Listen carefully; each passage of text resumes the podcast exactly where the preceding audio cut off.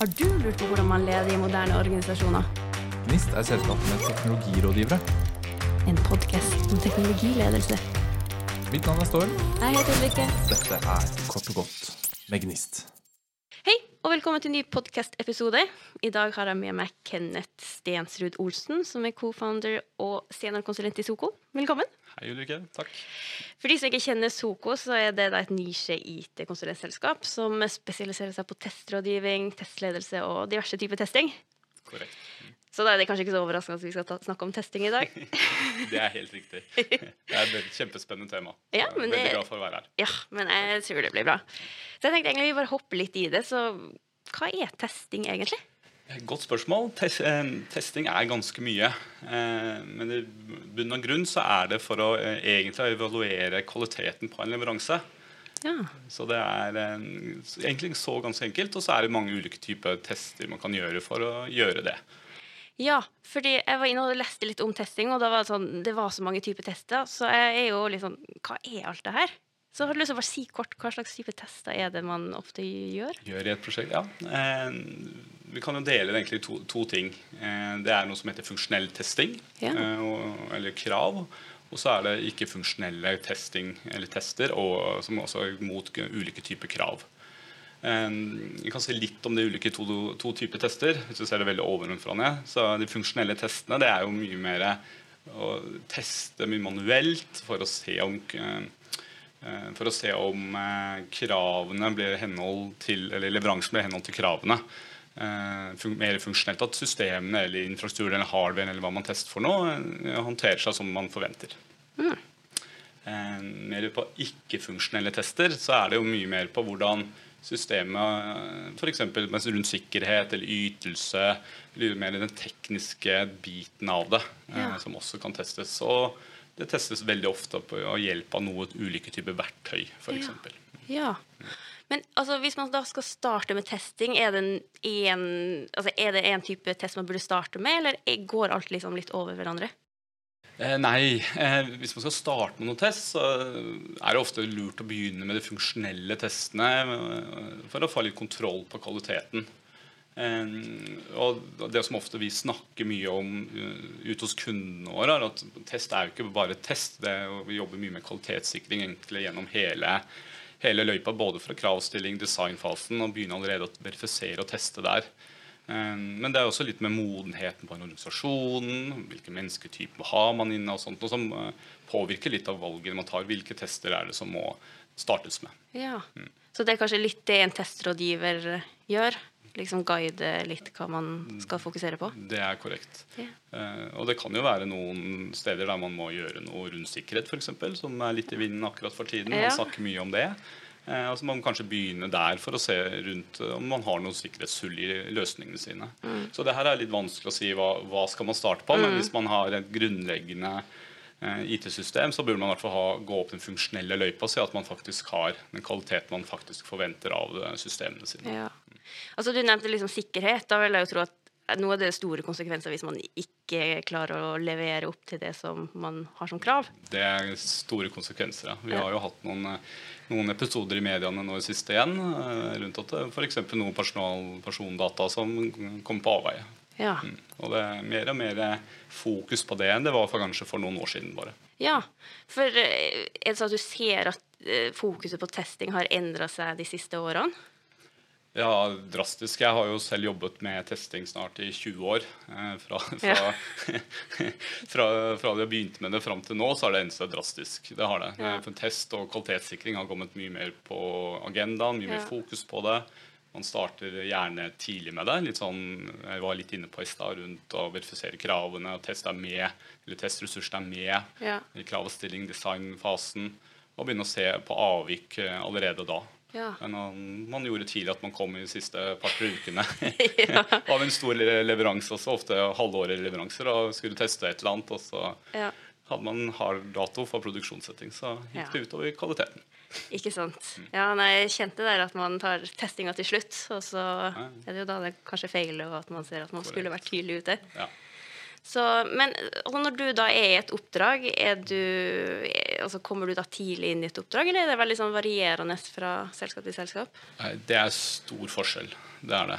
Eh, når jeg kommer inn, så oftest i store organisasjoner, om det er snakk om privat og offentlig, så har de veldig ofte fokus nå eh, på test eh, og kvalitetssikring. Eh, og at CO-test er en ressurs eh, som man ønsker å ta inn tidlig. Ja. Men vi har jo fortsatt eh, Eller vi opplever fortsatt her både prosjekter og nye kunder som ikke tar inn før altfor sent. Og da får man heller velge om man skal gå på kvalitet, eller om man kan eh, forskyve, da. Ja. Mm. ja, fordi at hvis du skulle liksom altså, sagt til en, et selskap eller organisasjon altså, et tips på liksom, når skal du starte fokus på test, altså, Mm. hva ville du sagt?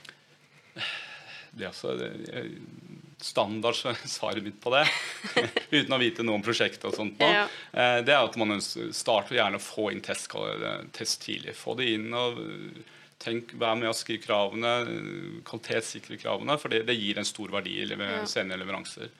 Um, og Det er jo ikke bare at test skal være involvert, men jeg tenker også det er flere andre fagområder også burde være involvert i, i kravstilling. Ja. For Da får man litt ulike vin- vinkler på det, øyne på det og kompetanse på de kravene. Mm. Og Da tar man ofte ganske mye allerede, da, med min erfaring. da. Ja. Mm.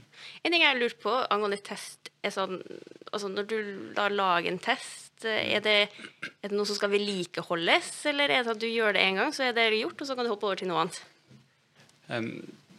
Hvis du ser det i sånn Det er litt sånn som vi var inne på, test har jo endret seg veldig. Eh, før så skrev man veldig mye sånn test cases, eller testskript, som man kalte det. og skulle kjøre det om og om igjen som regresjonstester. Og det måtte vedlikeholdes, for systemene levde jo, og det ble jo endringer på det. Og så ble det en veldig stor vedlikeholdskostnad knyttet til å vedlikeholde det. Vi brukte nesten mer tid på det enn på selve testingen.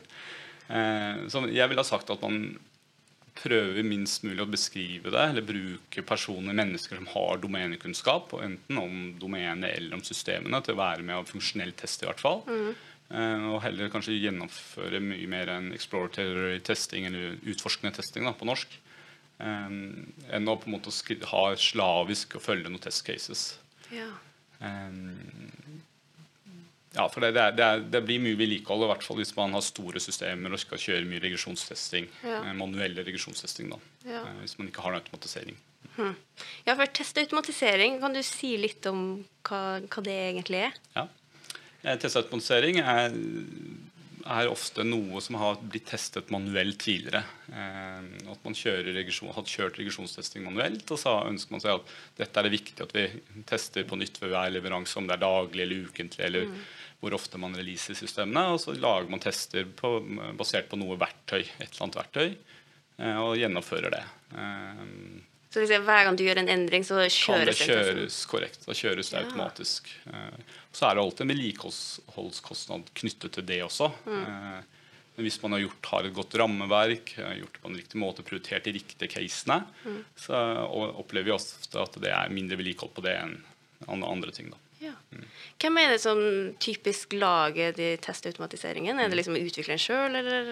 Ja, det, er, det er et godt spørsmål. Eh, det vi ikke har vært så mye inne på, er at man har jo ulike testtyper, eller til å ha ulike nivåer på testing også. Utviklerne gjør en del ting som heter enhetstesting og integrasjonstesting, bl.a. Eh, ofte så gjør de det med sin egen kode og te Ja. tester sin kode automatisk på det. At det bekjøres tester ved hvert bygg, f.eks. Ja. Enten om det er lokalt eller inne på de ulike testmiljøene. Men det vi ønsker, eller vi snakker mye om, at man skal ha noen som har testhatten når man skal automatisere. Om det er på GUI-nivå eller API-nivå, automatisere de tingene der, så er det en fordel å ha noen som kan test. Ja. Så det er ikke alltid utvikleren som gjør det. Nei, altså en person som er dedikert til Korrekt. test. korrekt. Som vi ofte da kaller enten tekniske testere eller testutviklere. Ja. Det er jo kanskje sånn type rolle dere i Soko har? Det er, det er riktig. Eh, Vi i Soko har både de rollene der, og også funksjonelle testere og testledere og testrådgivere. Ja. Men når, eh, er det noe sånn forskjell på de type tingene som dere gjør som konsulent, og det interne testere gjør, eller er det litt sånn det flyter litt over hverandre? Nei, det flyter så å si over hverandre. Ja. Eh, mange kunder ønsker spisskompetanse noen ganger. Ja. og Da er det ikke sikkert at det er så enkelt å få tak i ute i markedet eh, som det er i dagens marked. Men, eh, og da leier man heller inn da, fra, fra konsulentselskaper som Soko f.eks. Ja. Hvordan håper jeg, samarbeider man da med altså, er det sånn at eh, de leier inn, står liksom litt på sida, og så gjør dere jobben, eller skal det liksom skal det liksom Jeg vil jo tro at man trenger å ha forretning ganske godt med. Ja. Eh, Det sånn jeg, det mest, det, eh, som vi har mest suksess med, så er det ofte tverrfaglige team. Ja. Det mindre team mer med ulike typer kompetanse, som kan være noe som har testfaglige ansvaret, kanskje både litt av den ledelsesbiten og, og ikke minst kanskje funksjonell og teknisk testing i én type rolle. En person har det. Så har vi forretningen og utviklingen. Og da, da jobber vi mer som et team enn egentlig Ja. rollebasert. Ja. Eh, og det ser vi ofte er en suksess eh, når vi får til det. Eh, men det, på, det påvirker også selvfølgelig litt at kundene er med på den, den reisen også, ja, ikke sant. Så det er liksom tett samarbeid mellom mellom rollene. Ja. Ja. Ja, jeg vil jo tro at det er det som gjør at man får til god, altså god, godt arbeid. At man faktisk jobber tett. Helt klart. Og det påvirker både jeg opplever kvaliteten på leveransene, og ikke minst at vi klarer å levere mer på kortere tid ofte. Ja. Men jobber dere da tett med utviklerne sjøl? At de kommer og Da jobber vi tett med utviklerne. I de teamene det her fungerer, så jobber vi tett med utviklerne. Ja. Eh, Det gjør vi. eh, Var litt inn på det tidligere, men hvis du da på teamnivå velger å ikke mm, fokusere så mye på test at man tar det liksom litt sånn på slutten, hva er håper konsekvensen da? Ofte så hører jeg jo liksom du går live, og så gjør du testing etterpå. Ja. og det, det, bare kommentere det først. og Det, det kan være riktig i noen tilfeller. Okay, ja, ja. det kan være. Ja, det var interess eh, interessant å høre. Når skal du gjøre det? ja. Eh, Det må man alltid vurdere risikoen knyttet til det. Og det, det baseres egentlig på eh, baseres på litt sånn kost-nytte av det vi holder på med. Ja. Eh, for vi har alltid en eh, timeslot noen ganger. Vi har en, ofte kan være en releasedato hvis vi ikke har daglige releaser og sånt nå. Ja. Eh, at vi har en dato vi må forholde oss til. Og det kan være at vi må prioritere de ulike testene. Eh, og det er ikke alltid vi får ko- kommet oss gjennom alt sammen som, vi, som vi ønsker.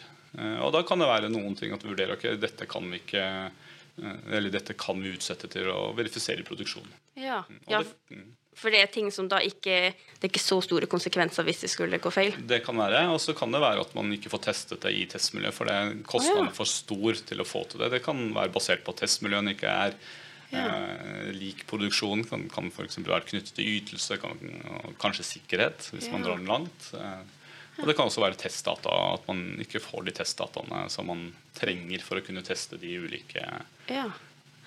scenarioene.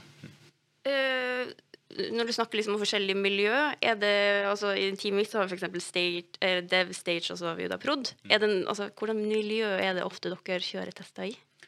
Det, det er veldig kundespesifikt, okay. faktisk. Ja. men det er ofte veldig, som du var inne på, at man har et miljø dedikert til utviklerne. Og så har man et miljø der vi kan sitte og teste ulike scenarioer. Ja. Eh, og så er det ofte et QA-miljø noen har, og så er det ute i produksjon.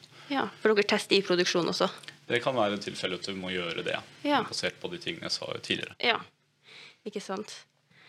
Um, du snakka litt om hvordan ting har utvikla seg de, liksom, de siste årene innenfor testfokus og sånt. Men hva du tror vil bli viktig framover?